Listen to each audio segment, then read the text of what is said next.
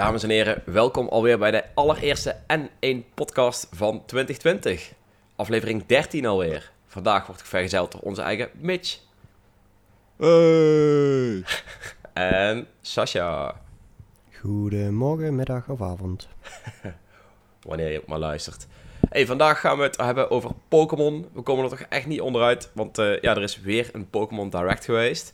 Um, ook gaan we het hebben over brain training to the moon en wat we momenteel allemaal spelen. Ja, jongens, er is gewoon ja, weer een Pokémon Direct geweest. ja, het is wat je zegt, je komt er gewoon niet onderuit. En uh, het lijkt toch dat Game Freak een beetje aan het uh, luisteren is naar de outrage. ja, uh, 200 nieuwe Pokémon erbij volgens mij. Of je 200 oude Pokémon, kan je beter zeggen. Met, met, ja, met een paar nieuwe. Ja. Een paar nieuwe ook. Volgens mij gaan we, zo, we gaan sowieso weer wat Galarian forms zien. Um, zoals Slowpoke dus, die al aangekondigd is. Uh, maar van wat, uh, wat er langskwam zijn er Wat een wat, uh, ontzettend lui design is dat trouwens, zeg. Die Galarian Slowpoke. Ja, ja, die is wel heftig, ja. Je kunt er niet veel van, over hey, zeggen totdat de evolutie gezien hebt ook, hè?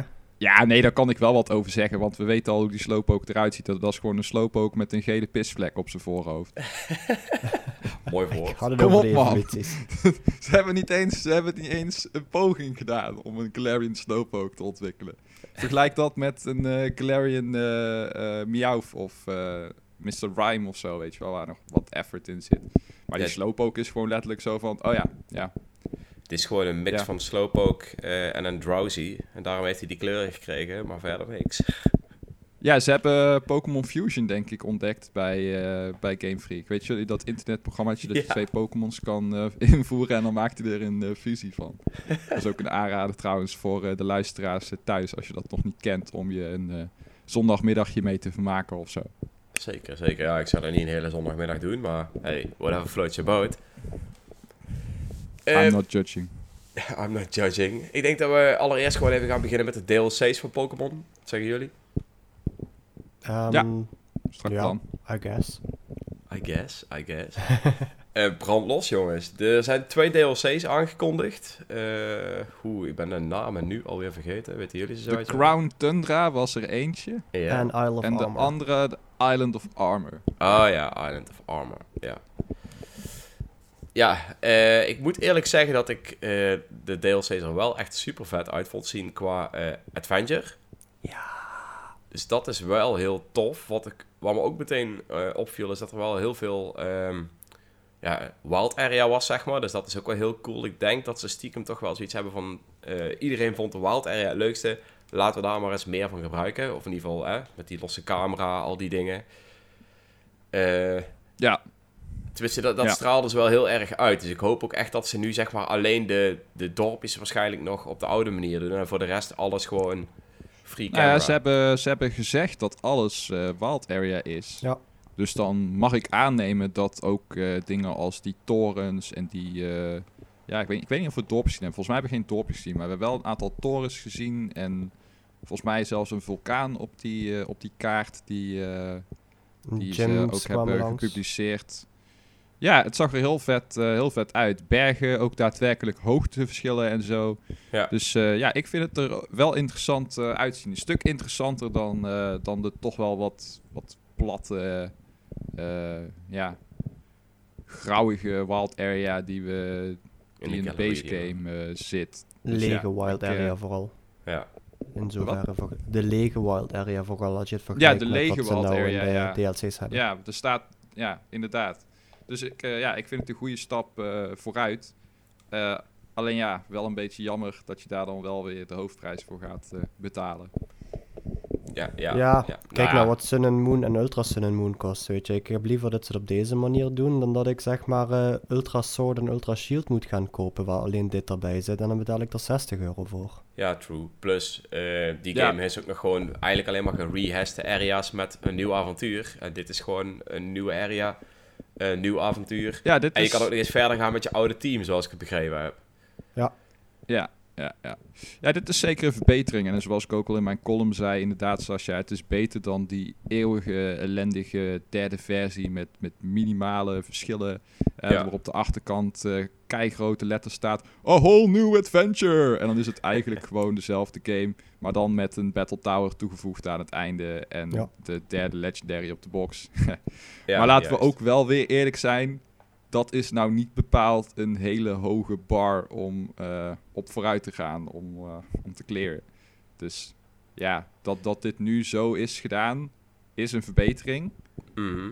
En vind ik goed, wat dat betreft, voor Pokémon standaarden. Maar als je kijkt naar een, ja, een, een Zelda Breath of the Wild of een, of een Smash Bros. En je ziet dan wat de base game is en wat de DLC is. Dan zit daar nog wel een verschil in, vind ik. Ik, eh, ik denk dat, ehm, dat Game Freak het gewoon zeg maar, op, op, op zijn Game Freaks doet, om het even zo te zeggen.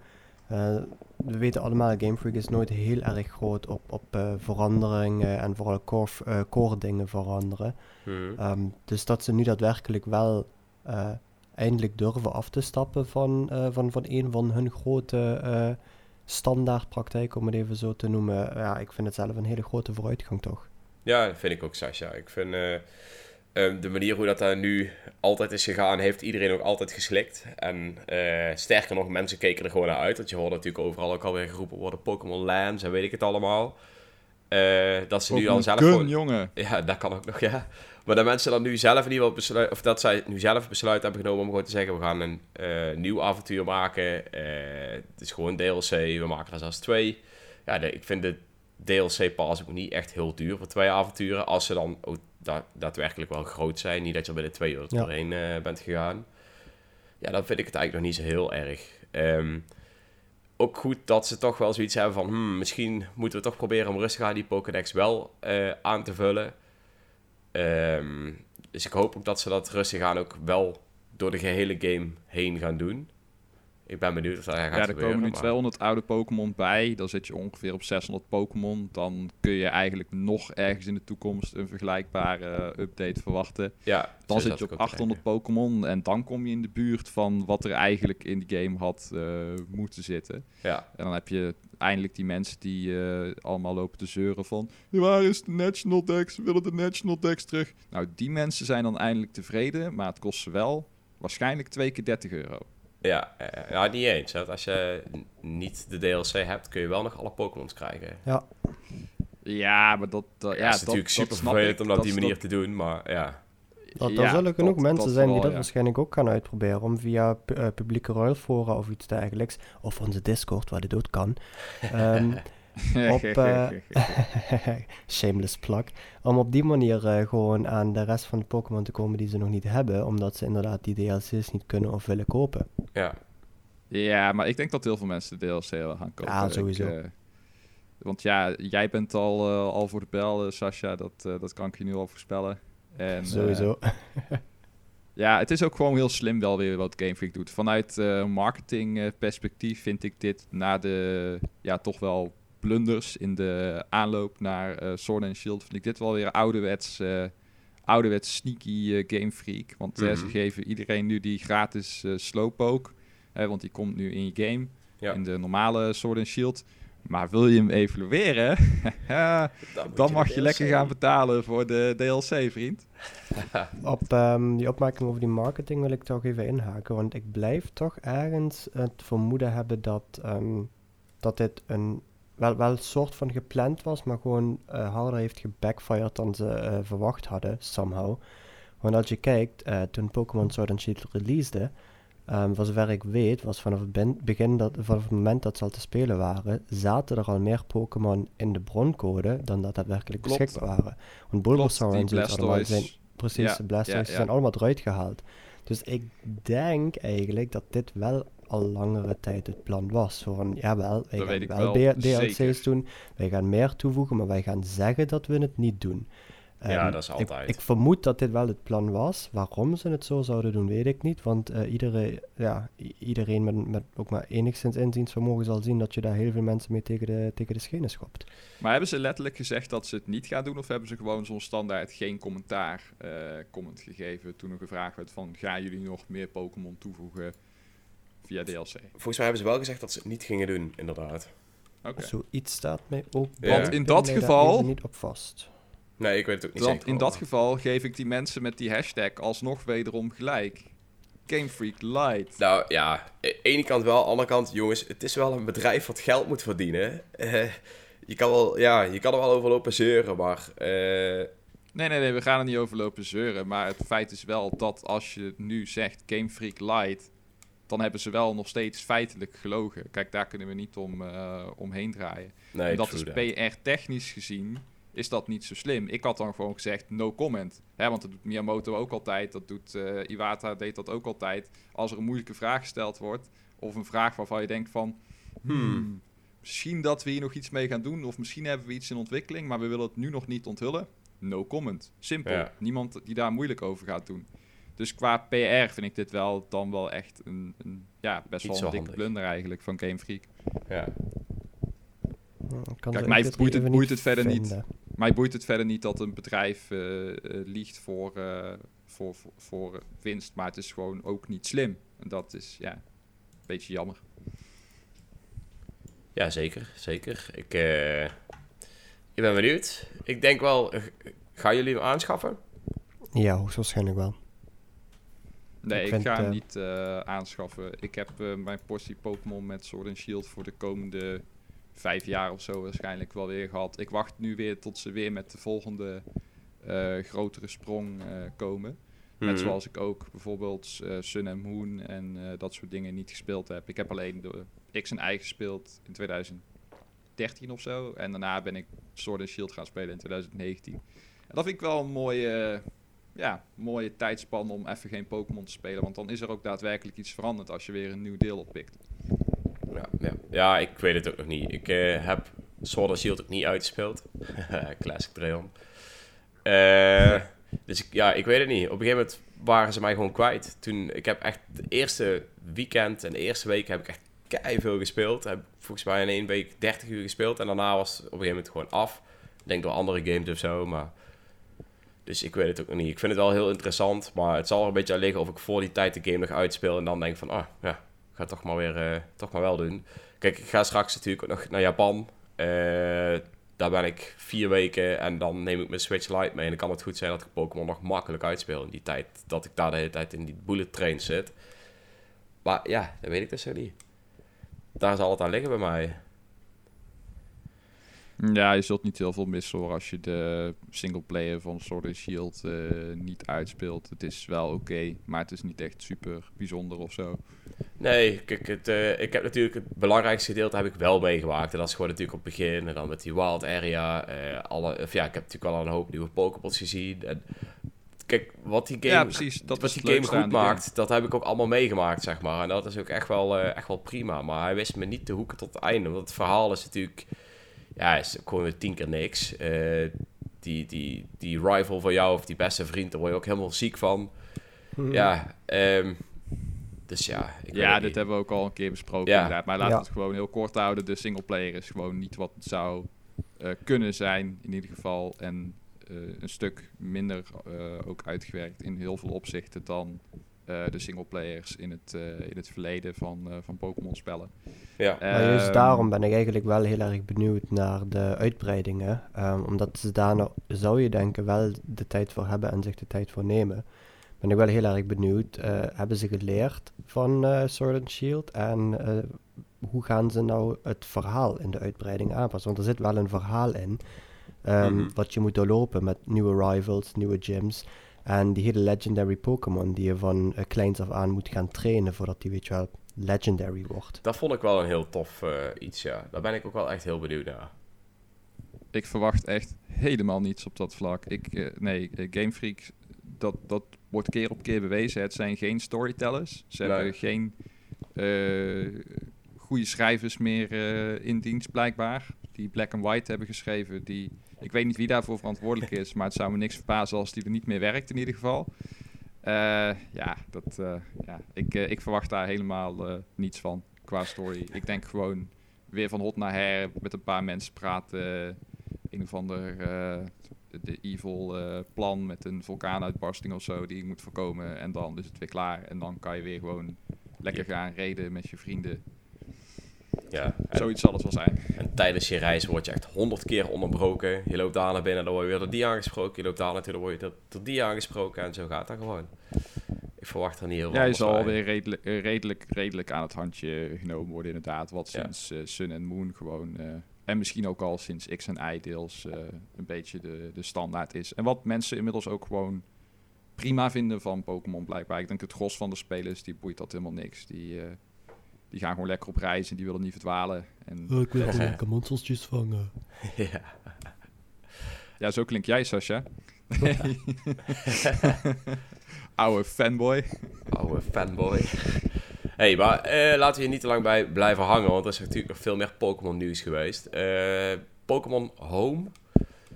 Dat gaat eigenlijk de nieuwe. Pokémon Bank worden volgens mij, zoals ik dat Ja. meegekregen. Ehm Ja, het was mag alleen je nog ook niet voor helemaal... betalen. Ja, ook ja. Ehm, al was dat volgens mij niet zo heel duur. Ik kan me nog herinneren van de Pokémon Bank dat dat echt maar 5 euro per jaar was. Eh, Ja, het is niet veel. Maar als... eh, ja, hoeveel van die Sword and Shields zijn er inmiddels al verkocht? 10 plus miljoen, denk ik. Ja, true, maar ja. Ja, als die allemaal 5 euro betalen, hey. Hmm. Hey, is ook zo. Ehm, ik weet alleen niet, ik heb Ik niet echt goed begrepen of jij bijvoorbeeld ook jouw Pokémons uit de Pokémon Bank naar Pokémon Home kan krijgen. Uit je oudere games naar Pokémon Home. Ja? Ja, je kunt, de bank is de, eh, zeg maar van bank kun je ze naar home sturen en van home kun je ze naar alle nieuwere spellen sturen. Ah, Oké, dus dit wordt eigenlijk, dit is gewoon een soort van geüpdate server. Zo van, dan kunnen we daar van onze oude server af. Let's Ja. go. Ja, Oké, oké, cool. Nou, dat is, dat is in ieder geval wel tof, want eh, ik ken wel mensen die al jarenlang allebei de Pokémon games kopen en iedere keer de decks weer helemaal vullen en dat allemaal op een Pokémon bank hebben staan. Dus dat is dan wel heel tof dat eh degenen die daar natuurlijk fan van zijn, daar gewoon mee door kunnen gaan. Ja. ja. dat is op zich wel eh, goed gedaan qua...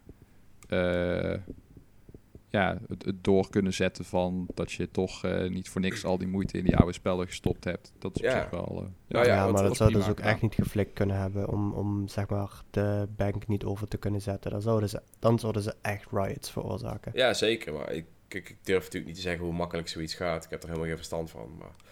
Ik vind het wel tof, Nee. want er zijn ook mensen die ik ken die bijvoorbeeld nog van Pokémon Sapphire nog hun eerste Pokémons iedere keer door hebben gespeeld naar de volgende games. Dus als je die nog steeds kan spelen dadelijk eh, in de nieuwste Pokémon games, is dat wel echt super vet.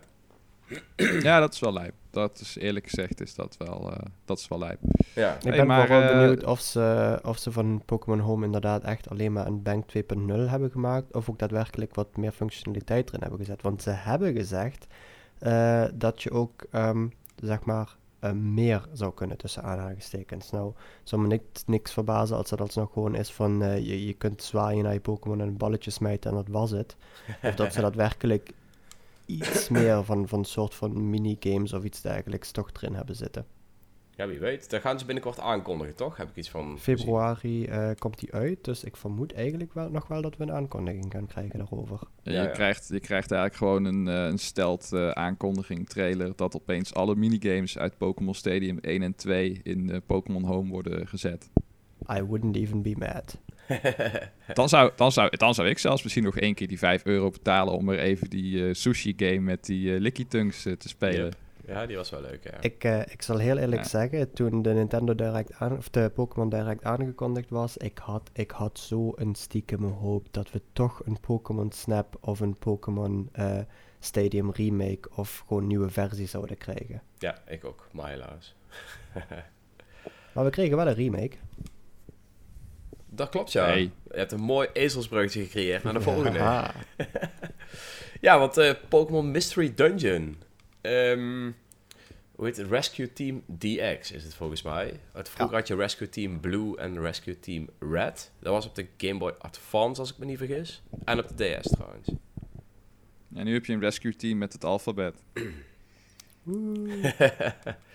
ja, ik, eh, ik, ik moet eerlijk zeggen, ik heb die games vroeger wel gespeeld, maar niet lang genoeg. Ik ben nooit zo'n heel erg een fan geweest van die eh, Mystery Dungeon games. Ehm, ja, ik, ik, mij heeft het nooit getrokken. Ik ben heel erg van de RPG's, maar die Mystery Dungeon games zijn niet mijn ding. Nou, het waren van die, van die heel erg eh, basic eh, My First eh, RPG'tjes, zeg maar. Een beetje wat Yoshi-spellen voor platformers zijn. Dat idee heb ik er altijd een beetje bij, eh, bij ja, gehad. Ja, de, ja, Mystery Ja. Dungeon gaat best wel diep hoor. Zeg maar gewoon, want die games, volgens mij zijn Mystery Dungeon eh, was al een game voordat het bij Pokémon zeg maar een Mystery Dungeon Ja, game je werd. hebt de Chocobo's Mystery Dungeon, daar ken ik het van. Ja, je had er daarvoor, je hebt er nog veel meer volgens mij. Maar die hele, eh, dat hele genre zeg maar, dat is gewoon niet mijn ding. Maar het kan wel best dat wel diep hele gaan. genre, dat Ja. hele genre is mij één groot mysterie. Ja, wauw. nee, ja, ehm, ik weet niet of een van jullie die game wel goed gespeeld heeft. Gewoon voor jou Chocobo, maar...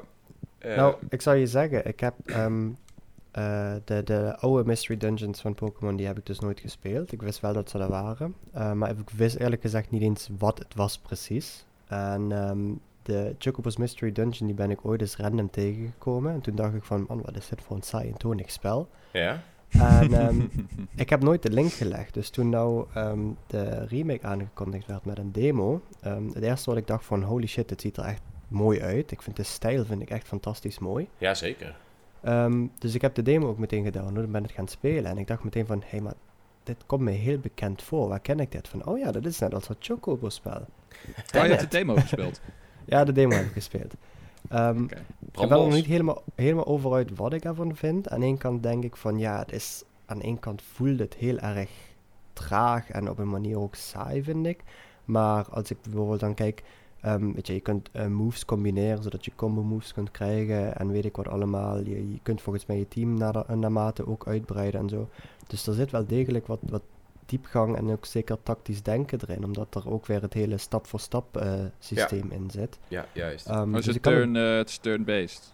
Nou, Nee, dat niet. Als jij een move Nee, doet, toch? dan krijgt de enemy een move. Dus dat is de hele tijd...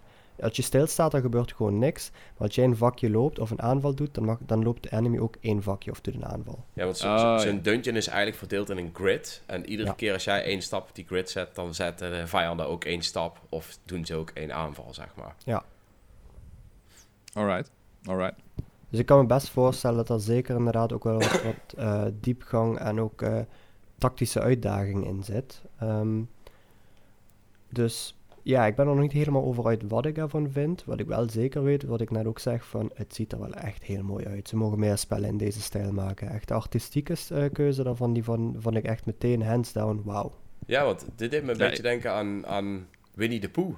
Ehm, in Kingdom Hearts is dat bijvoorbeeld ook. En dan heb je ook die stijl, tenminste in de oudere, niet in Kingdom Hearts 3. Maar dat is wel echt heel tof. Ik vond het echt heel, ja, soort schetsboekachtig. Mhm. Heel mooi Het deed, mij, eh, het deed mij denken aan hoe een eh, moderne Yoshi's Island eh, eruit zou kunnen zien. Ja, Met die pastel, eh pastelkrijtachtige, ja, zachte, zachte kleuren en zo. Ja, ik vond het er wel, eh, ja, het zag er wel, eh, ja, wel nice uit, ja. Dat, dat viel me wel mee, dat eh, moet ik zeggen. Maar eh Mitch, als de, eh, die hele eh, genre voor jou een mysterie is, beroemd, dan ik zou zeker eens die demo eh, downloaden en installeren. Ehm komt een beetje Ja, ik op denk gang, dat- want weet je wel. Ja, ik zal die demo wel eens proberen. is toch gratis en dan eh, kan, ik, eh, kan ik eens kijken of het wat is inderdaad. Alright. Klinkt goed. Ja. Eh, ja, ik denk dat we in principe wel klaar zijn over Pokémon. We praten al zo vaak over Pokémon dat er eens tijd om daar ik ben al zo lang klaar met Pokémon, dat wil je niet weten. Nou, eh, ik ben Let's met. Pokémon zelf ben ik helemaal niet klaar. Want als ik naar Japan ga, wil ik ook naar de Pokémon Café. Weet ik, al die dingen wil ik allemaal zien. Want ik ben natuurlijk nog steeds. Oh ja, die wereld, is, die, wereld is, eh, die wereld is vet. Dat, Ja. dat ga ik niet ontkennen. Maar ja, het is af en toe wel heel veel Pokémon op één moment. En dat is nu ook. Ik had eigenlijk bijvoorbeeld een gewone direct gehoopt. En dan krijgen we eerst Pokémon. Voor mij had het gisteren andersom moeten Ja, dat eh, deed mij ook even diep zuchten. Dat ik dacht van, Nou, het zou me niks verbazen als we nou binnen de komende week of twee, drie eh, wel een Nintendo Direct kunnen verwachten. Nou, wacht. Dit is iets, te hebben ook, ook op de website niet eh, besproken. Maar ik heb dus pas iets heel aparts ge- ja, gezien, gehoord, gelezen. Ze gaan altijd in, eh, samen.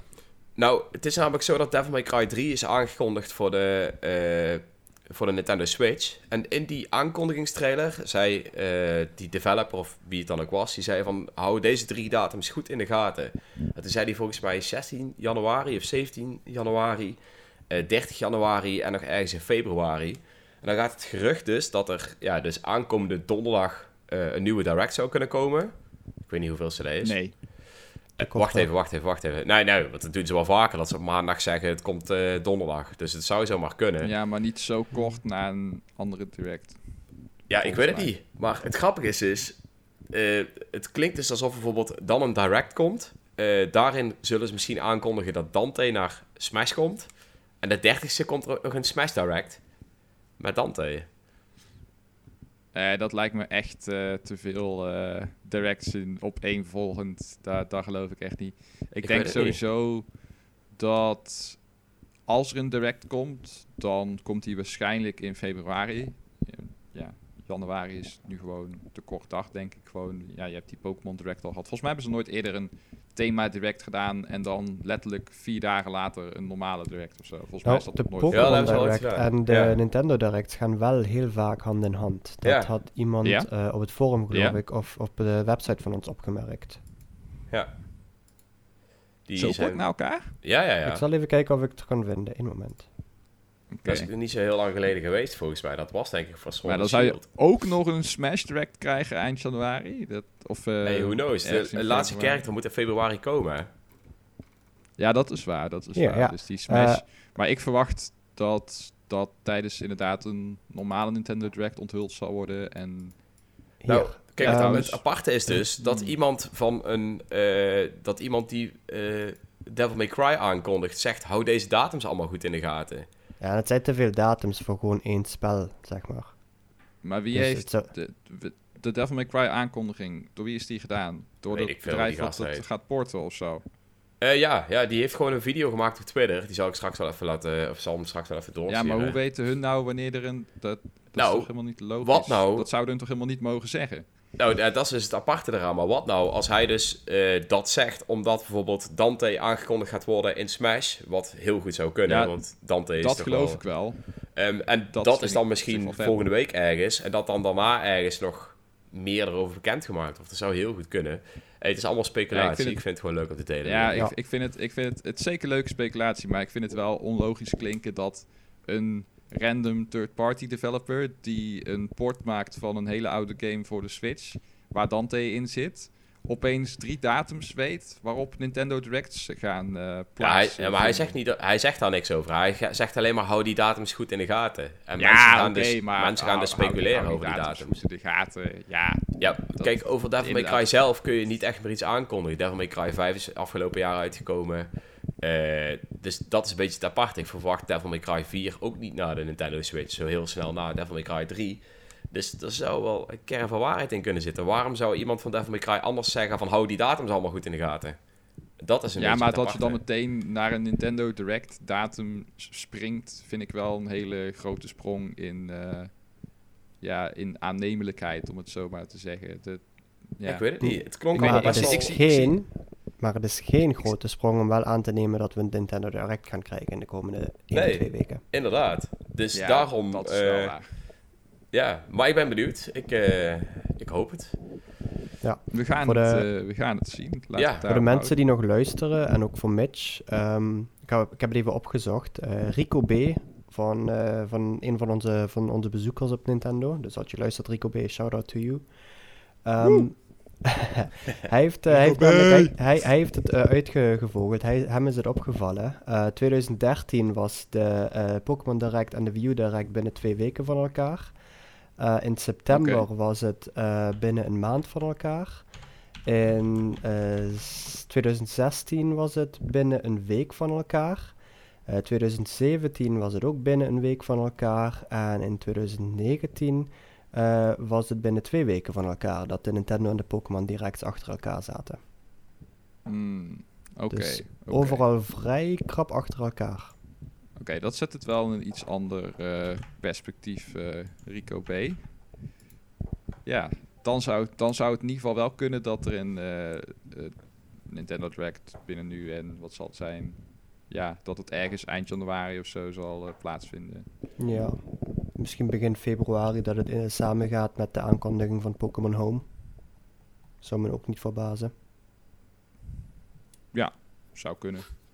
Of dat ze gewoon en Pokémon Home en eh, de Smash Character aankondiging eh, eh, trailer eh, in één eh, direct eh, doen ergens aan het einde of zo. Animal Crossing, probably. Animal Crossing sowieso. Mhm, mhm. Ja, Zit het? ja eh, interessante tijden Ja, komen zeker. eraan, in ieder geval. Dus eh, we, gaan het, eh, we gaan het zien of jullie met je... Of de Devil May Cry man met zijn drie profetische data... uiteindelijk toch het woord van de Nintendo Direct verspreiden. Of dat we gewoon Devil May Cry mobile krijgen of zo. Dat, Ik weet, heb- dat weet je ook nooit. Ja, Ik heb het ook even zelf opgezocht. Het is producer Matt Walker. Die zegt eh, januari 16, januari 30 en februari 13 in de gaten te houden. Meer heeft hij dus ook niet gezegd. Oké, Dus ik ben benieuwd. we gaan het Ehm, zien, Matt Walker. Matt Walker. Hey jongens, we hebben het eh, vooraf aan de podcast even gehad over DLC's. Ehm, ja, waarom sommige games geen DLC hebben. Ja, Mario Party was in jouw DLC's. Ja, en het leek, leek ons wel leuk om daar natuurlijk eh, even over te hebben. Nou, de meest aparte vind ik bijvoorbeeld Super Mario Odyssey. Ja, eens. Zeker ook, omdat je die, eh, die... Ja, je hebt in principe gewoon Delfino Island op die eh, wereldbol liggen of iets wat er heel erg op lijkt. En dat kan natuurlijk een leuke easter egg zijn, maar iedereen zei van... Ja, ze, komen ooit, ze gaan ooit met DLC komen en dan wordt het Delfino Island... en dan krijg je die sunshine vibes en zo en dan kan je daar weer rondlopen en dan is het vernieuwd. Dat zou geniaal Want je zijn. hebt natuurlijk ook al... Ja, je hebt natuurlijk ook al Peach eh, Castle eh, eigenlijk gewoon... De hele beginwereld van eh, Mario Super Ma- 64 zit er gewoon, Ja, inderdaad. gewoon in. Dus ik dacht, kat in het bakkie, daar gaan ze ook zoiets doen voor het ja, begin-eiland van, eh, van Sunshine. Of, of een deel van, eh, van Eiland Delfino of zo. Ja, of misschien zelfs Maar dat is niet gebeurd. je bent toch in de ruimte. Ja, is Ja, heel apart, heel apart. En ik dacht niet zo money dat... eh, Nintendo. Precies, het is echt niet zo dat Odyssey niet, weet je wel, niet veel verkocht wordt. Het is nog steeds een van de meest, meest verkochte spellen voor de Switch. Ja, samen met Mario Ja. Kart 8 Deluxe, eh, volgens mij vliegen die over de toonbank. En gek genoeg nog steeds Mario Party. Ja, dat is heel apart. Maar dat komt omdat die game heel erg leuk lijkt, jongens. Ja, maar Ja, lijkt mensen denken ook leuk, gewoon van, eh, kijken naar voorgaande Mario Party spellen, die over het algemeen, weet je wel, je houdt ervan of je haat ze, of je, je houdt ervan om, ze, om, om, om van ze te haten. Ik noem maar wat. Eh, maar het waren wel altijd spellen die gewoon eigenlijk no-brainer hand in hand met een Nintendo-apparaat gingen. En wel degelijk ook voor, voor altijd wat leuke eh, partymomenten zorgden. Dus ik denk dat heel veel mensen Zeker. dan met die gedachte ook denken van... Hé, hey, ik heb nu een Switch. Oh, Mario Party is ook voor te krijgen. Tuurlijk haal ik die. Oh, er zijn maar vijf mappen en dat was het. Wat is dit nou? Dus ja, Ja. het, is, het Ja. is eigenlijk ook zo'n zo'n spel. Dat is er eigenlijk zo'n beetje vanaf het begin zo, eh, al aan bij, bij Nintendo in het algemeen en ook voor de Switch. En dan hebben ze het zo leeg aan content uitgebracht. En het is een spel die eigenlijk perfect zou zijn voor DLC's. Nieuwe characters, nieuwe spelmodi, nieuwe minigames, nieuwe borden. En Ja. ja, gewoon volledig gemiste kans, denk ik. Ja, ik zie het als een, eh, ik zie het als zo'n Nintendo valstrik game. Hè, af en toe brengt Nintendo zo'n game uit die gewoon een valstrik is. Net als eh, Mario eh, Ultra Tennis op de, Ja. op de Wii U of zo, die ook even snel in de schappen was geschoven met nauwelijks eh, content. Mensen denken van, oh ja, dat is een Nintendo game. Eh, Mario Tennis, dat was ook ooit leuk op de, op de N64 en op de Gamecube. Die koop ik. Oh ja, Mario Party, daar heb ik ook nog mooie herinneringen aan met vrienden. Die koop ik. En dan koop ze vervolgens en denk van, ah, shit, jammer. En dan ben je gewoon in de val gelopen en dan kan Nintendo daar weer fatsoenlijke games mee financieren. Dat is hoe het wel een beetje werkt. True. Maar waarom, waarom dat doen met een van je grootste en eh, ja, toch wel veelgespeelde eh titels? Kijk, dat, je, dat ze het zoiets doen met een Mario Golf of een Mario Tennis of zo, dat, dat snap ik ergens zelfs nog wel. Maar dat ze zoiets doen met Mario Ja. Party, dat, dat ontgaat mij gewoon. Mhm. Ik denk line-up vulling. Ik denk dat ze gewoon een game nodig hadden voor de feestdagen om die eh, ja, wat, wat meer eh, casual party crowd eh, aan te spreken. En denk van, nou ja, Mario Party, nou ja, hoeveel geven mensen nou echt om die borden? Het, het gaat toch vooral om de minigames. We stoppen er maar vijf borden in en we stoppen het in een doos en we leggen het in de winkels en we beloven iets met online wat dan een beetje half uitgewerkt is. Maar ja, hè, online is altijd half uitgewerkt op Nintendo-platformen, dus... Ja. eh, dat slikken ze ook wel. Hup, verschepen die hap. In de doos. Ja, weet je wat met zulke Zonde. dingen vaak is? Oké, je weet natuurlijk niet hoe de development van zulke games gaat, maar ik kan me wel voorstellen dat dat dan games zijn waarvan ze zeggen, die pushen we er toch uit, want we moeten iets hebben om die leegte op te vullen. En dan offeren ze zulke games liever op dan Zelda. Of weet ik veel net, weet Ja. je wel. Zo verwacht Ja, ik dat het gaat. Eh, Ja, en Mario Party is geen prestige-serie als het bij de... ja, als het op de pers aankomt, zeg maar. Die, die games, die, die N64-delen, die waren nog wel goed gereviewd. Die Gamecube-delen haalden altijd wel een zeventje of zo eh, binnen. Maar het waren nooit echt dat je denkt van... Wow, dit is echt eh, een must-play voor eh, de serieuze eh game recensent... die eh, ja, toch wel heel veel waarde hecht aan videogames... en er heel veel van houdt. Hmm. dat- Zo'n titel is het nooit. eh, het, is nooit zo, het is nooit een Zelda of, of Metroid of weet ik veel wat geweest. Het, is Ah, gewoon, nee. het valt gewoon een beetje in de categorie van die Kirby Yoshi games. Van oh ja, het werkt en het is prima en het is leuk voor een, voor een doelgroep. werkt het gewoon goed.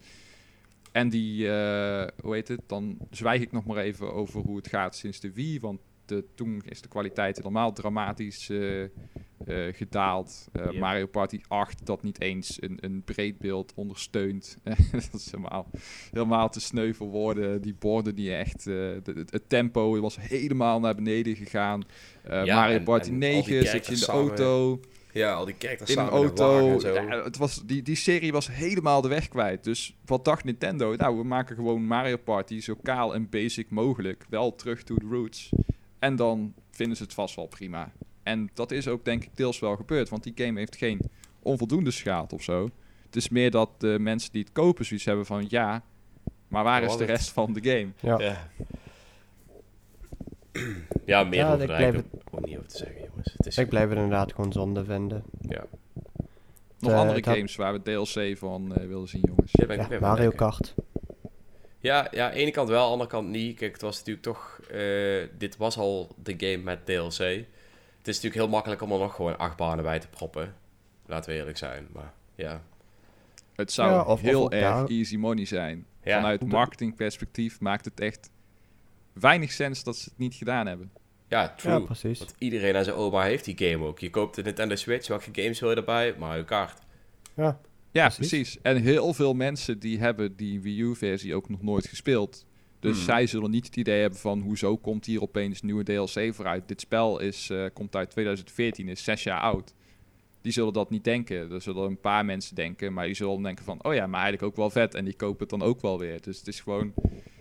Ja, het is zo makkelijk geld binnenharken. Het enige wat ik me kan bedenken is dat ze dan denken van... ja, maar als we dit doen, dan zetten we een precedent dat mensen dit voortaan vaker verwachten en eh, gaan ze eh, minder snel Mario Kart 9 maken. Weet je dat idee, hè? Van Ja. waarom Mario Kart 9 als ik toch continu gewoon nieuwe banen kan downloaden voor 8 en de graphics eigenlijk niet zo heel veel beter zijn. Ja, Dus dat kan ik me voorstellen. Als ze echt nu al, ik denk dat ze nu al bezig zijn met Mario Kart 9, dat weet ik zeg ook wel bijna zeker eigenlijk dat die game in ieder geval op zijn minst in ontwikkeling is. En als ze niet met een hele nieuwe, afwijkende, gekke gimmick of zo kunnen komen, dan gaat die game niet zo heel veel verschillen van Mario Kart 8 Deluxe. En dus zal die game het voornamelijk moeten hebben van nieuwe banen. En daar zul je die game ook voor kopen. Dus als ze continu nieuwe banen blijven uitbrengen voor 8 Deluxe, ja, dan kan ik me wel voorstellen dat mensen iets hebben van, ja, ja waarom Ja. zou ik 9 kopen als Ja. ik ook gewoon nieuwe banen hiervoor kan blijven downloaden? weet je, het is, Mario Kart 9 niet voor kart. Met drag races en illegal street races. Ja, maar aan de andere kant, dat hele verhaal wat ik net verteld heb, is natuurlijk complete onzin als je naar FIFA kijkt, waar ieder jaar echt nauwelijks verandering in zitten en mensen gewoon nieuwe versies blijven kopen. Dus ja, Ja. Dat, eh, dat is ook weer zo. Hmm. FIFA, Call of Duty, dat soort games. Het is gewoon iedere keer opnieuw hetzelfde spel uitgebracht met eh, misschien lichtelijke verandering op zijn best en daar houdt het op. Nou ja, bij, bij Call of Duty heb je natuurlijk ook gewoon nieuwe, eh, nieuwe campaigns en nieuwe maps en zo en dat soort dingen. Dus dat is wat meer te vergelijkbaar. Maar FIFA, ja, je hebt wat, aange wat getweakte physics en wat getweakte statistiekjes en zo. En, en that's nieuwe it. spelers zijn klaar. Ja, Ja. ja, En toch ja. komt er ieder nog, jaar een nog, nieuwe nog, nog smeriger eh, lootbox eh, methodes. Gewoon extra ja maar mensen vies, kopen gewoon. het. Dus waarom zou je het niet doen als bedrijf zijn, weet je? Ja, Ik ben, er, ik ben, ben natuurlijk ook geen fan van die praktijken, maar eh, laten we eerlijk zijn. Ja, waarom om zou- je heen koopt waarom FIFA zou je wel. het doen als... Ja, waarom Ja. zou je het doen als bedrijf? Wat, wat is ethiek? Vergeleken met is geld. ethiek? Hey, we gaan het heel even kort hebben over Tokyo Mirage Sessions. Want die game die komt volgens mij aankomende vrijdag uit. Dat is ook een spel dat uitkomt, ja. dat is ook een spel dat uitkomt. Eh, ja, toevallig dat geen van ons drie de game gespeeld heeft. Maar ik vind wel dat hij natuurlijk even benoemd moet worden, omdat het... eh, Sorry, eh, Tokyo Mirage fans. nou, bij ons in de redactie zitten gewoon best wel wat mensen die wel echt fan zijn van die game. Ja, Ehm, ja, onze eigen Patrick bijvoorbeeld, die een heel mooi artikeltje heeft geschreven over het spel al. Ja, ja. En dus, dus de game moet natuurlijk wel eventjes aangeprezen worden, laten we eerlijk zijn. Het is eh, een RPG, zover ik heb eh, begrepen, waarbij je eigenlijk ook een soort van persona's gebruikt. Het is ook gebaseerd Ja, op de het wereld is- van Persona, is- volgens mij. Het is Idols meets eh, Fire Emblem en Persona. Ja, ja, ja, en dan hebben ze Mirages genoemd volgens mij in plaats van Persona's. Maar in principe spawn je ook gewoon monsters of summon je monsters die, die jou helpen Ja, in het of, of, vechten. of, of helden, zwaardvechters, Chrome zit erin. Lucina zal er vast wel in zitten. Maar je hebt in ieder geval die Fire Emblem characters in ieder geval die je kunt, eh, kunt oproepen. Dat is wat ik ervan weet. En die gaan dan voor je vechten terwijl je personage een popliedje aan het zingen is. Zoiets. Zoiets. Het is het meest Japans, this. Japanse wat je ooit hebt gezien. En dan nog een tikje Japanser. Dat is denk ik het beste eh, hoe je het kunt omschrijven. Je loopt ook volgens mij rond in eh, Shibuya, Ja, wijk in ja, ja. Tokio. Daar ga je waarschijnlijk ook nog wel komen, Dreon. Dus dan kan je meteen zien hoe het er eh, in het echt eh, uitziet. heb je vergelijkingsmateriaal. Ehm, en dan moet je volgens mij... ehm, ja, je loopt rond, je praat met personages, je sluit contracten om je zangcarrière vooruit eh, te helpen. En dan eh, vecht je in van die grote arena's al zingend met je persona of, of Fire Emblem character tegen een andere eh, ja, die hetzelfde doet. Dus dan heb je een soort van dans, of eh, pardon, eh, zangduels met eh, monsters en shit. Boom, baby. Gaat even jullie de game kopen? Bam. Nope. Nope.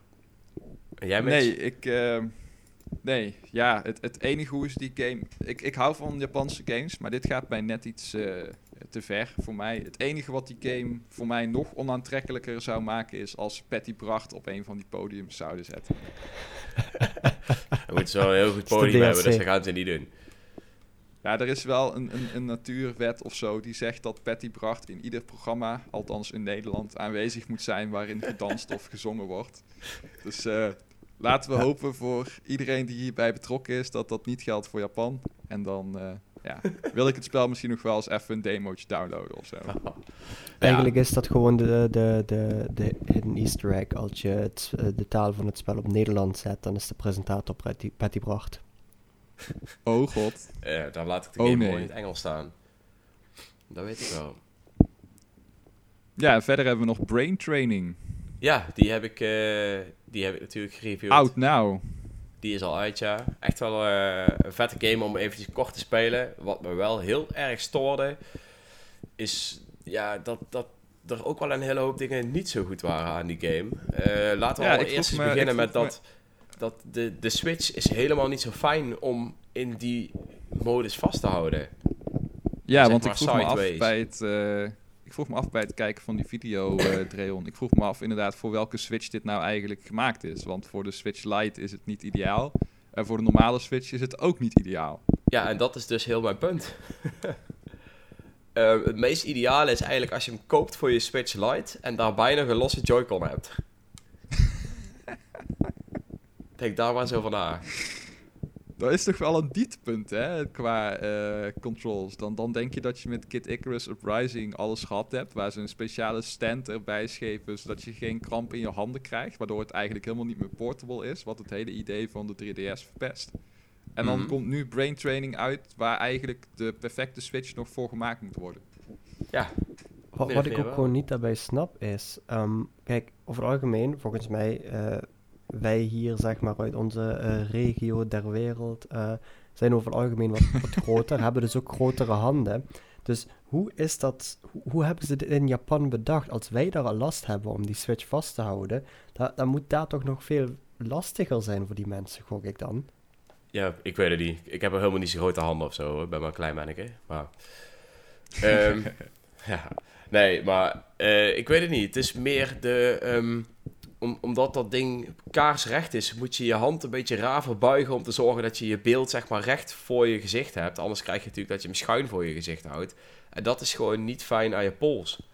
is gewoon, eh, ik weet het niet. Ja. Ik vind het niet fijn. En Ja, het is, het is meer een polsdingetje, denk ik, dan een, dan een gripdingetje. ja, ja, dus ik weet ook niet of, of, ja, of dat daar iets op te bedenken is. Maar voor mij eh, was het in ieder geval niet ideaal. Daan heeft wel echt genoten van die game, want die heeft ook een review geschreven voor de website. Eh, de spelletjes die je erop hebt zijn ook echt wel leuk. Ehm, dus daar is ook echt niks over te zeggen. Alleen ik, ik vind meer dat het gewoon niet ideaal speelt. Dat vind ik gewoon heel vervelend. Eh, je offert best wel veel op. Of de game heeft best wel wat opgeofferd vergeleken met de DS-versie, die eigenlijk eh, ja, beter was. Is er nog geen ehm, brain training special grip of special stand op AliExpress te krijgen? I don't know, heb ik niet gekeken. Zou zo maar ik vraag me kunnen. wel dus, af eh, hoe succesvol, eh, ik vraag me wel af hoe succesvol het gaat worden. Ik vraag me af of Nintendo het, het brain training trucje eh, nog een keer kan herhalen. Dat er nu ook daadwerkelijk weer eh, oudere mensen, een, eh, ja, ouderen eigenlijk, een, eh, een Switch kopen. Of dat die Switch nu terechtkomt in bejaarden of verzorgingstehuizen waar polsen toch al aan het afbrokkelen zijn. ja, ik, ik, ik vraag het me af of, er- of...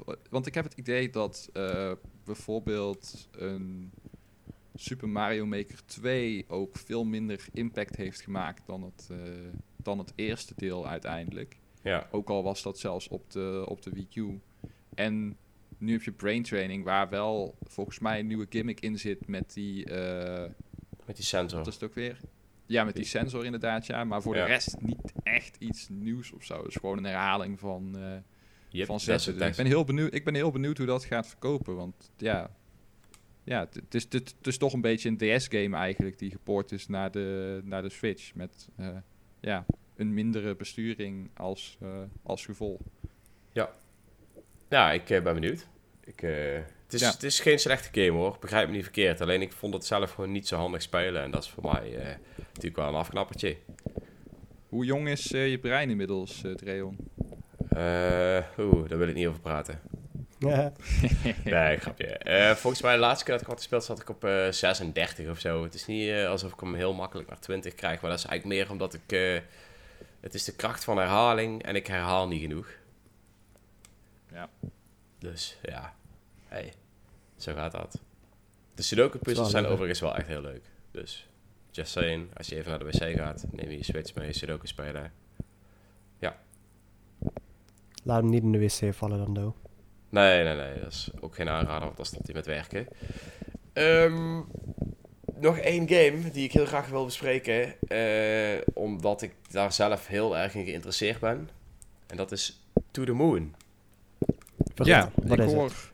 Heel veel goede dingen over die game, Dreon. Eh Ja. Overtuig ons eens. Oké, nou ja, het wordt heel moeilijk om jullie te overtuigen, want het is een game die je moet ervaren en waar je ook niet heel veel over kan zeggen. Eh, omdat het, het is een redelijk korte game, volgens mij heb je hem in eh, vier uurtjes of zo heb je hem uitgespeeld. Maar het, het vertelt een, een verhaal over een, eh, een man die ligt op sterven. En eh, ze hebben een soort van machine uitgevonden eh, die iemand die op zijn sterfbed ligt eh, zijn leven over kan laten doen. Dus die man die, die ja, Oh. die- ja heel, heel eh, ik moet het een beetje beknopt uitleggen omdat ik eigenlijk niks wil spoilen. Maar het is zeg maar zo, concept.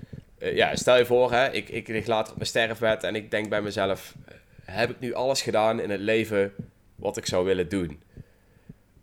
Eh, en, en iemand kan jou gewoon zeggen: van jongen, je kan het nog even één keer overdoen hè, in, je, in je brein. En dat is dus wat ze bij hem gaan doen. Hij gaat zijn leven overdoen en hij gaat doen wat hij graag wilde doen. Eh, nou, als je de titel van de game kijkt, dan weet je wel wat hij graag wilde doen. Ehm, Solliciteren bij nwantendo.nl. ja.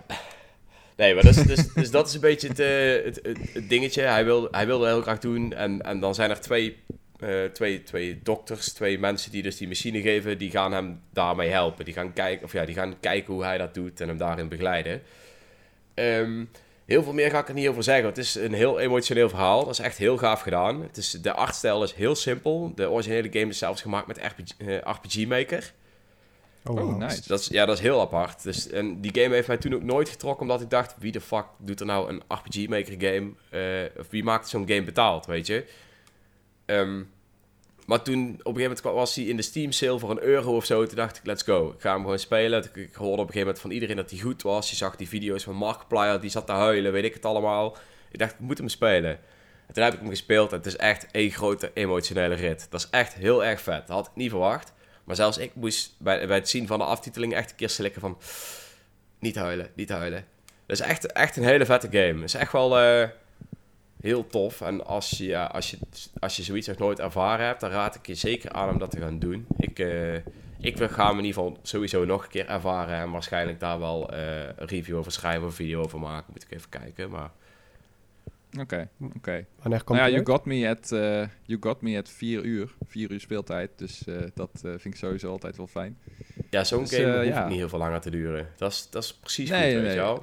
Maar kun je ook iets zeggen over de gameplay? Is het een, eh, is het een soort van visual novel-achtig idee? Of moet je wel rondlopen en Je zo? moet, ja, je moet wel rondlopen, maar het is wel eh story-driven.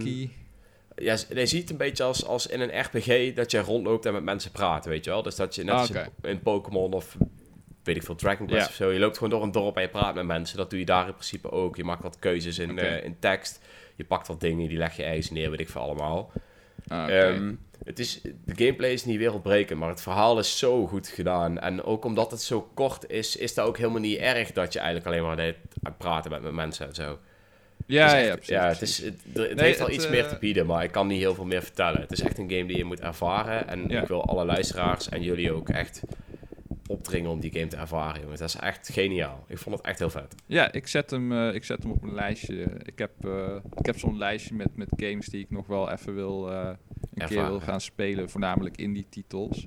Daar staat bijvoorbeeld ook ehm, Valhalla op, of eh, VA11, nog iets, op de pub. Maar in ieder geval, als, het, Ja. als, als je het leest, staat er Valhalla. Dat is Mhm. een game, ik weet niet of jullie die kennen, maar die is vorig jaar uitgekomen. En die is ook op best wel wat, eh, ja, wat, wat meer eh, excentrieke Game of the Year lijstjes eh, voorbij gekomen. Oké. Waarin je eigenlijk een bartender bent in het jaar 2070 of zo. Een beetje zo'n cyberpunk setting. En je eigenlijk met, ja, eigenlijk het enige wat je doet is cocktails maken. Voor personages. En die kun je dan, als je de juiste cocktails maakt, kun je ze laten praten en dingen te weten komen over hun leven en het verhaal van het spel en zo. En dat schijnt heel, eh, heel vet te zijn. Een beetje een soort. Ja, de vergelijkingen met, met Phoenix Wright worden dan getrokken, omdat het een soort van visual novel eh, idee is, zeg maar, waarin je soms de juiste keuzes moet maken. Je hebt maar dan heb je verschillende eindes en zo. En die, eh, die staat ook nog op mijn lijstje. Uit, uit. Die komt dan denk ik ook op mijn lijstje, want dat klinkt wel vet. Ja, ik zal, eh, ik zal hem wel eens, eh, ik zal hem wel eens naar je doorsturen. Want ook de soundtrack is echt super vet als je van, eh, als je van een beetje. Ik weet niet, hebben jullie Fury gespeeld? Eh, ja, Ook een van de allervetste games trouwens van, eh, van de Die afgelopen jaren, zo vind ik zelf. moeilijk, en man. die, die soundtrack, die synthwave soundtrack, zoiets zit ook in... eh, de- dat steltje zeg maar van muziek zit ook in, eh, in Valhalla. En ik vind dat zelf echt een super vet... eh, ja, dat, dat retro jaren 80 meets modern, Ja, dat is wel moderne tof. electro. Dat is Ja. echt een super dik steltje. En dat zit daar ook in. Dus ik heb ook al wat van die soundtracks voorbij zien komen op Twitter. En dat is ook echt heel vet. ik ben benieuwd. Het klinkt allemaal heel tof, eh, Mitch. Zeker vet. Ja. Wauw. Dan gaan we nou nog even En door het laatste eh, stukje, denk ik. Want we zijn Ja. alweer bijna een uur aan het praten. En dat is, wat spelen we momenteel?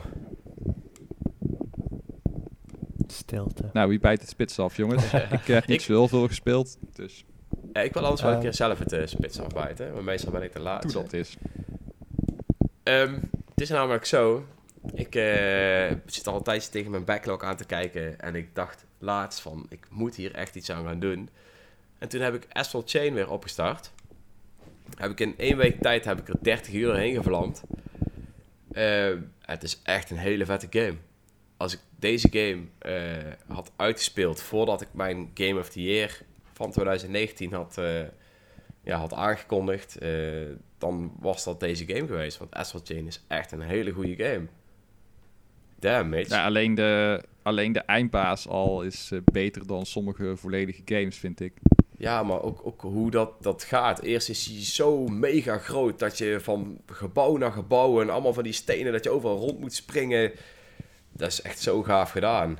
Dat is echt eh, Ja, heel Het is indrukwekkend. echt, En- het is echt één grote trip gewoon. En ook, ook als je bijvoorbeeld kijkt naar, naar chapter 9, weet je wel, dat je tegen die eh, Jenna Anderson eh, vecht in, de, in drie fases. Ja, Wow. die, laatste, die, laatste, die laatste fase zou gewoon de eindbaas in een andere game kunnen zijn. En ik dacht ook heel even dat de game dat daar dat het zou einde van de game was. Ja, en dat we ook echt van die... Want daarna komen die eh, Ravens en eh, gaat jouw broer of zus eh, daar eh, zich bij alert, spoiler aansluiten en alert, zo. spoiler. Ja, maar-! Dat is, dat is een klein beetje spoilers, maar niet heel groot. Want eh, hij loopt al keilang met dat Raven-logo rond, nog ver voordat, eh, voordat dat gebeurt. Dat vond ik zelf een Ja, beetje true. knullig. True, je zag het al Maar van beide ver aankomen. Ja, maar in ieder geval, dan zie je dus die Ravens worden geïntroduceerd. Ik denk, oké, dat zijn de nieuwe baddies. eh, en dan staan ze zo sinister op zo'n eh, rots eh, voor zich uitstaren. En dan denk ik van, oké, Q, aftiteling, sequel bait. In de Ja, volgende game vechten dat tegen die. Ravens. Maar dan gaat het daarna dus nog gewoon door. En op de een of andere manier overtreffen ze dan zichzelf nog helemaal op het einde. Ah, het is echt gewoon... Het is Ja. gewoon één mega grote eh, eh, achtbaanrit vanaf dat moment. Ja, zeker. En, en de actie, ehm, ik moet eerlijk zeggen, het vechtsysteem vond ik op het begin heel erg wennen. Ik was eh Bayonetta gewend en Oh ja, zeker. dat werkte wel niet zo perfect. ehm, dat ik bij Astral Chain op het begin echt dacht van, is dit het wel? Ik denk dat ik zeker drie chapters een beetje er tegenaan gehikt heb. eh, ja, dat ik er niet aan kon wennen dat je dus dat tweede personage had. het is jouw Legion, zeg maar. Dat je daar van alles mee moest doen terwijl je jouw combo's maakte. Maar als je dat op een gegeven moment door hebt, dan speelt het zo lekker. En al die sync attacks en... Ja, het ziet er Ja, echt op, je, je, je, je, uit. begint ook, eh, je begint ook wel nerfed, hè?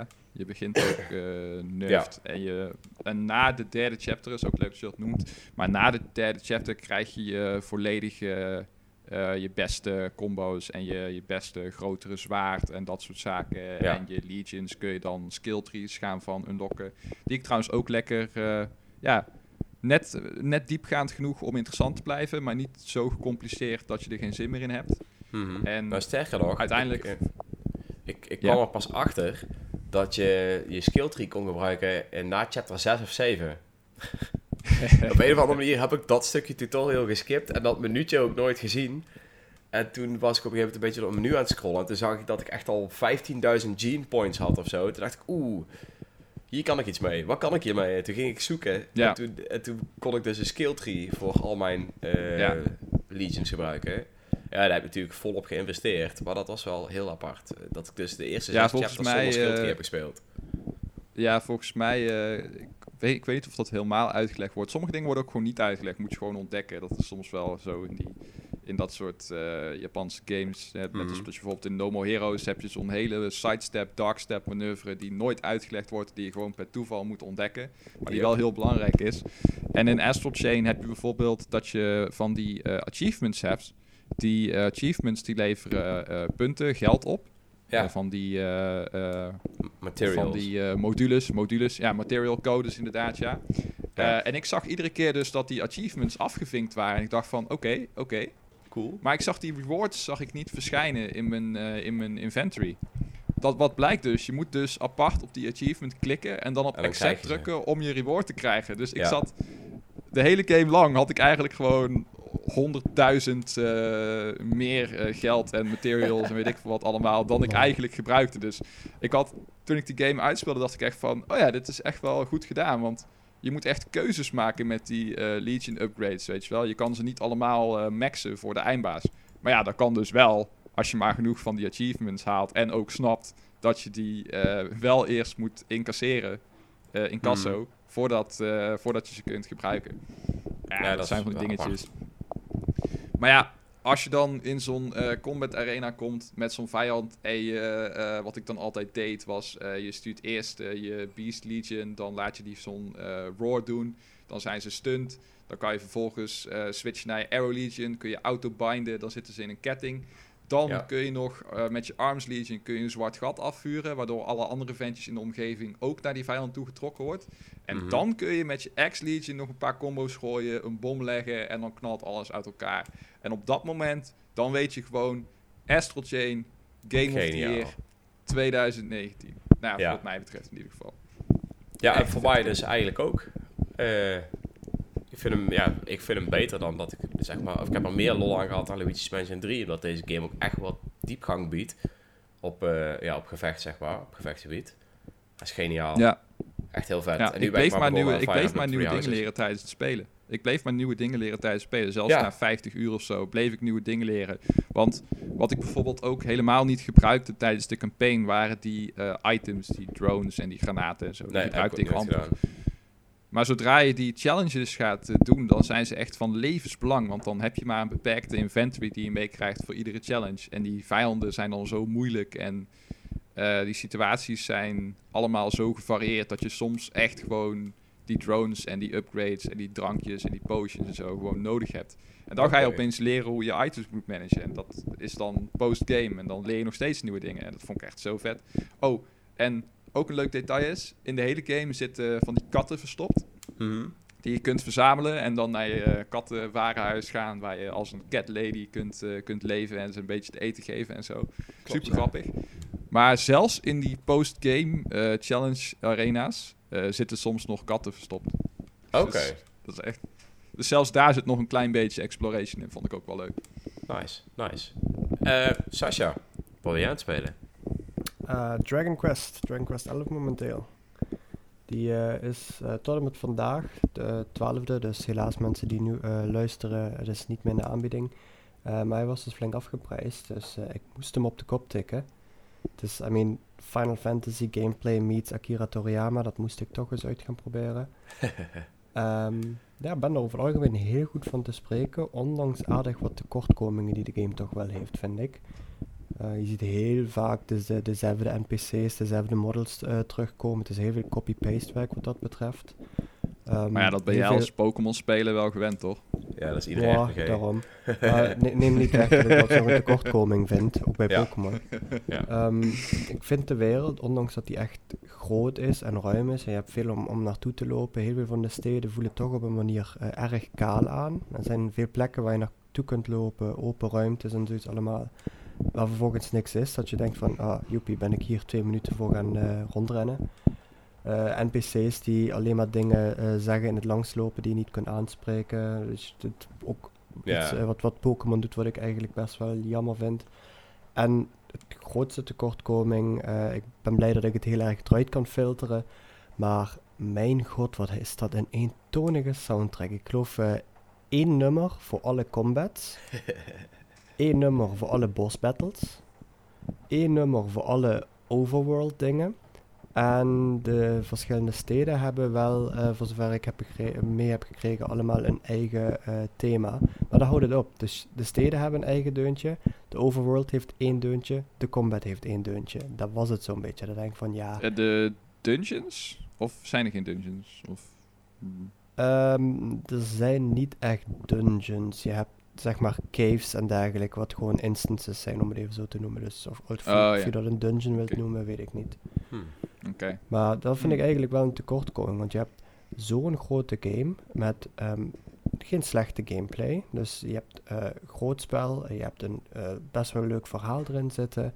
Je hebt veel en leuke hoofdpersonages. Ehm, de soundtracks die erin zitten, die, die voelen ook echt groots aan, echt weet je wel, orkestraal. En dan heb je er dan zo weinig in zitten. En denk van, je hebt... Dit had gewoon net dat, dat kleine beetje beter gekund, waardoor het zoveel epischer zou zijn. Dat is een beetje jammer, maar het, neemt, het doet niet tekort aan, eh, aan de algemene speelervaring, moet ik zeggen. Oké. Ja, ik ben heel benieuwd. Alright. Ik, ik eh, zit zelf al heel lang te twijfelen om te kopen. Ik denk dat ik hem dus nu ook niet ga kopen. Misschien bij een volgende sale of weet ik veel net hoor. Ik zat hem op de PlayStation 4 ook al aan te kijken. Toen heb ik hem ook niet gekocht. Maar ergens diep van binnen wil ik de game wel heel graag spelen. Je gaat hem dus wel aan. Ja, zeker als je, eh, als je van, van eh, ja, die, die typische Square Enix gameplay houdt, dan eh, ja, wat voor mij eigenlijk toch wel de JRPG playstyle is. Ik ben, heb het ooit leren kennen via Final Fantasy, dus dat is eigenlijk wel mijn eerste en, en meest vormgevende ervaring. Ja. Eh, als, je, als je van die speelstijl houdt, ehm, dan, dan alleen al is het een grote aanrader. En als je daarbij ook nog eens van een beetje de, de quirkiness van de designs van Akira Toriyama houdt, dan, ja, dan, dan is het een match made in heaven voor je. Oké, ja, sowieso. Ik ben echt... eh, ik vond Dragon Quest Builders bijvoorbeeld ook leuk. Ik heb verschillende Dragon Quest games ook gespeeld. Dus dan klinkt dat helemaal goed. ik zou je zeggen, ik had voordat de demo van Dragon Quest 11 uitkwam, eh, een hele tijd geleden, had ik daar nog nooit van gehoord. En ik zag die demo langskomen en ik denk van, wat is dit voor Trunks-looking motherfucker?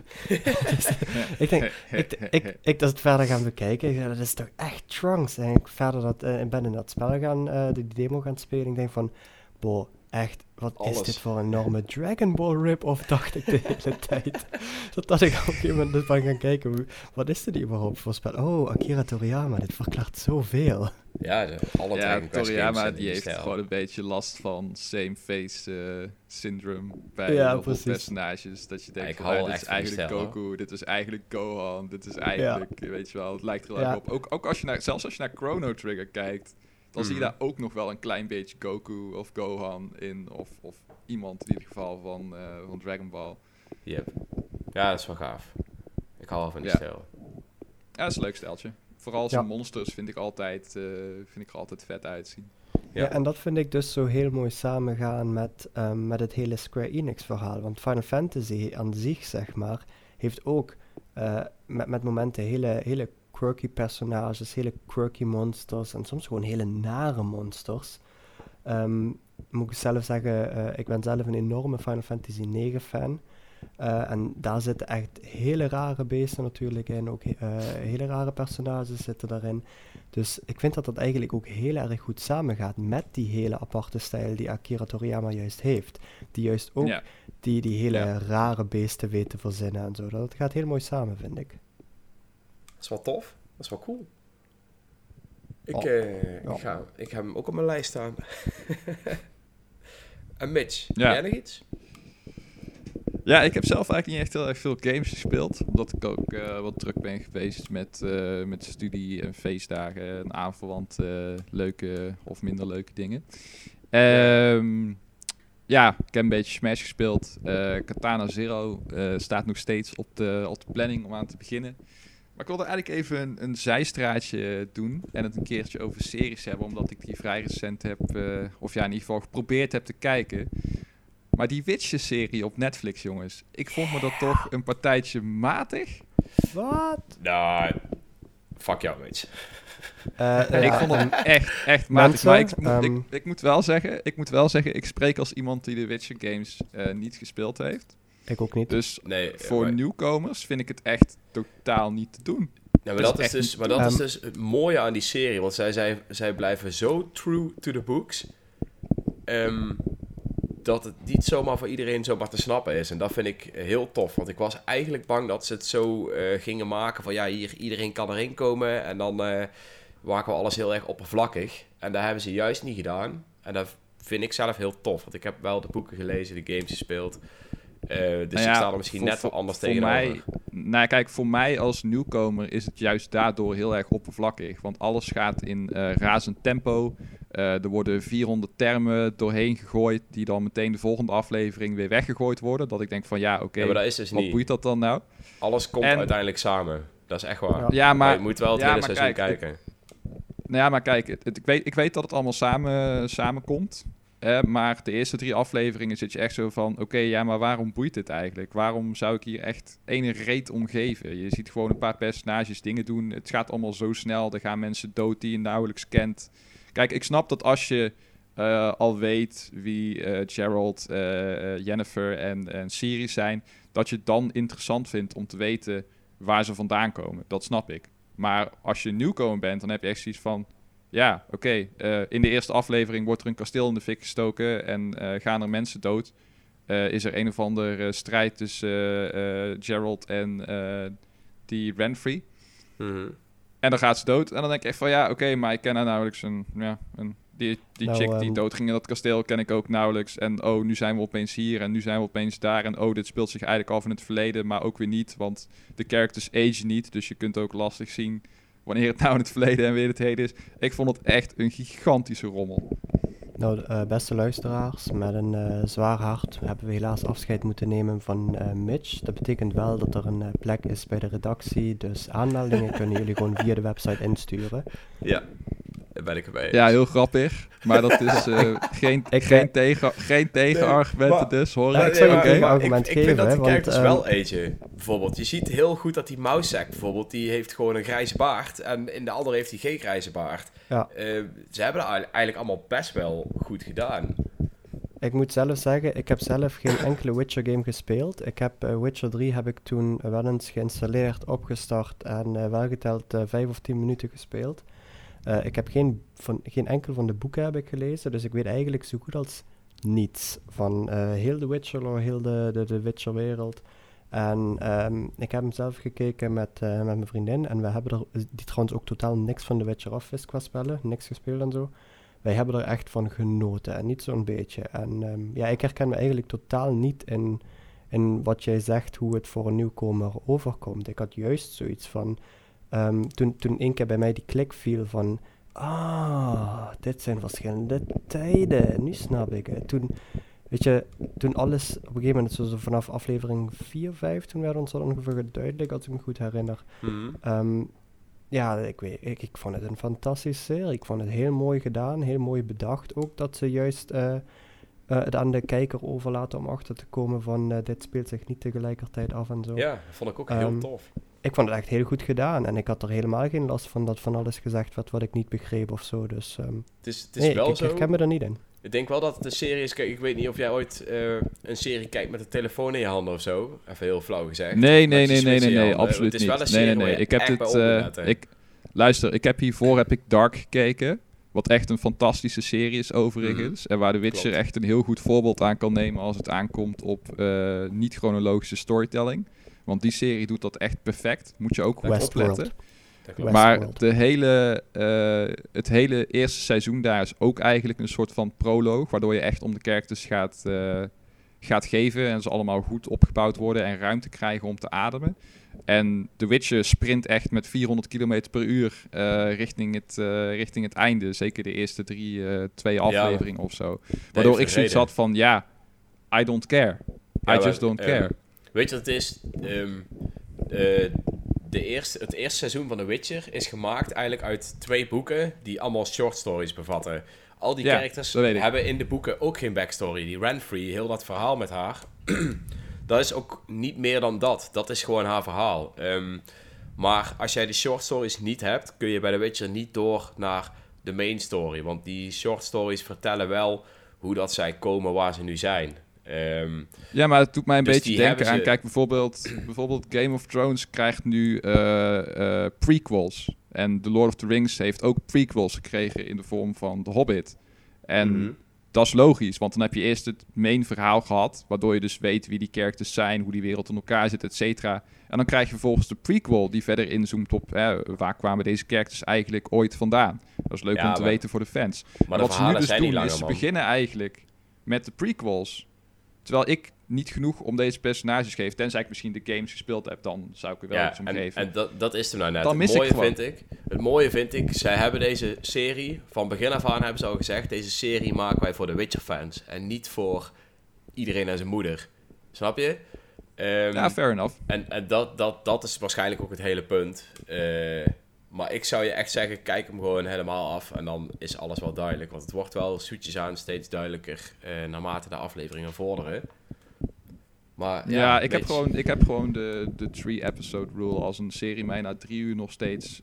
Als, als, ik, na- als het me na drie uur nog steeds niets interesseert wat er met de- deze characters gebeurt... of ze zijn gewoon niet super interessant of zo... of ik heb het ergens anders al beter gezien of interessanter gezien... dan haak ik af, want mijn tijd is maar ja, ook beperkt. Dus dan Nee, kijk ja, suit yourself, maar je mist wel echt iets. Suit yourself, maar je mist wel echt iets. Dat is serieus. Alright. Alright. Fair enough. dus ehm, voor alle luisteraars, eh Mitch stapt vanaf vandaag uit de redactie en wij zoeken een nieuw redactielid. dus mocht je zin en tijd hebben om, stelletje om twee wekelijks aan te sluiten bij de podcast, graag. Nee, Mocht je, mocht, je, mocht je een goede serie op Netflix willen zien, dan raad ik zeker Dark aan of ja, Black die Sails. is ook heel vet, bij ja. deze. Ja, dat wel serie op toegeven. eh, HBO, Westworld, absoluut. Die kan ook. Moet je wel heel veel seks kunnen zien, maar En meer dan drie afleveringen kijken. daar ook. Hey, ik denk dat dit hem was, want we zijn alweer een uur en een kwartier aan het praten. Ik wil eh, alle luisteraars natuurlijk weer bedanken. Ik wil jullie twee bedanken voor het toch altijd weer aanwezig zijn eh, om lekker wat te babbelen. Zeker. Moeten. Ja, zeker. Ik zou zeggen, eh, voor iedereen, tot over twee weken. Met wie weet een nieuwe Nintendo Direct. Ja, als die is geweest, gaan we het daar natuurlijk uitgebreid over hebben. En dan ga ik Mitjes eventjes vertellen dat heel dat Devil May Cry gedoe waar was. Grote, grote claims, jongens. Grote claims. Ik ben benieuwd, ik ben benieuwd. Hey, jongens, tot de volgende keer. Later. Hoi, hoi. Later.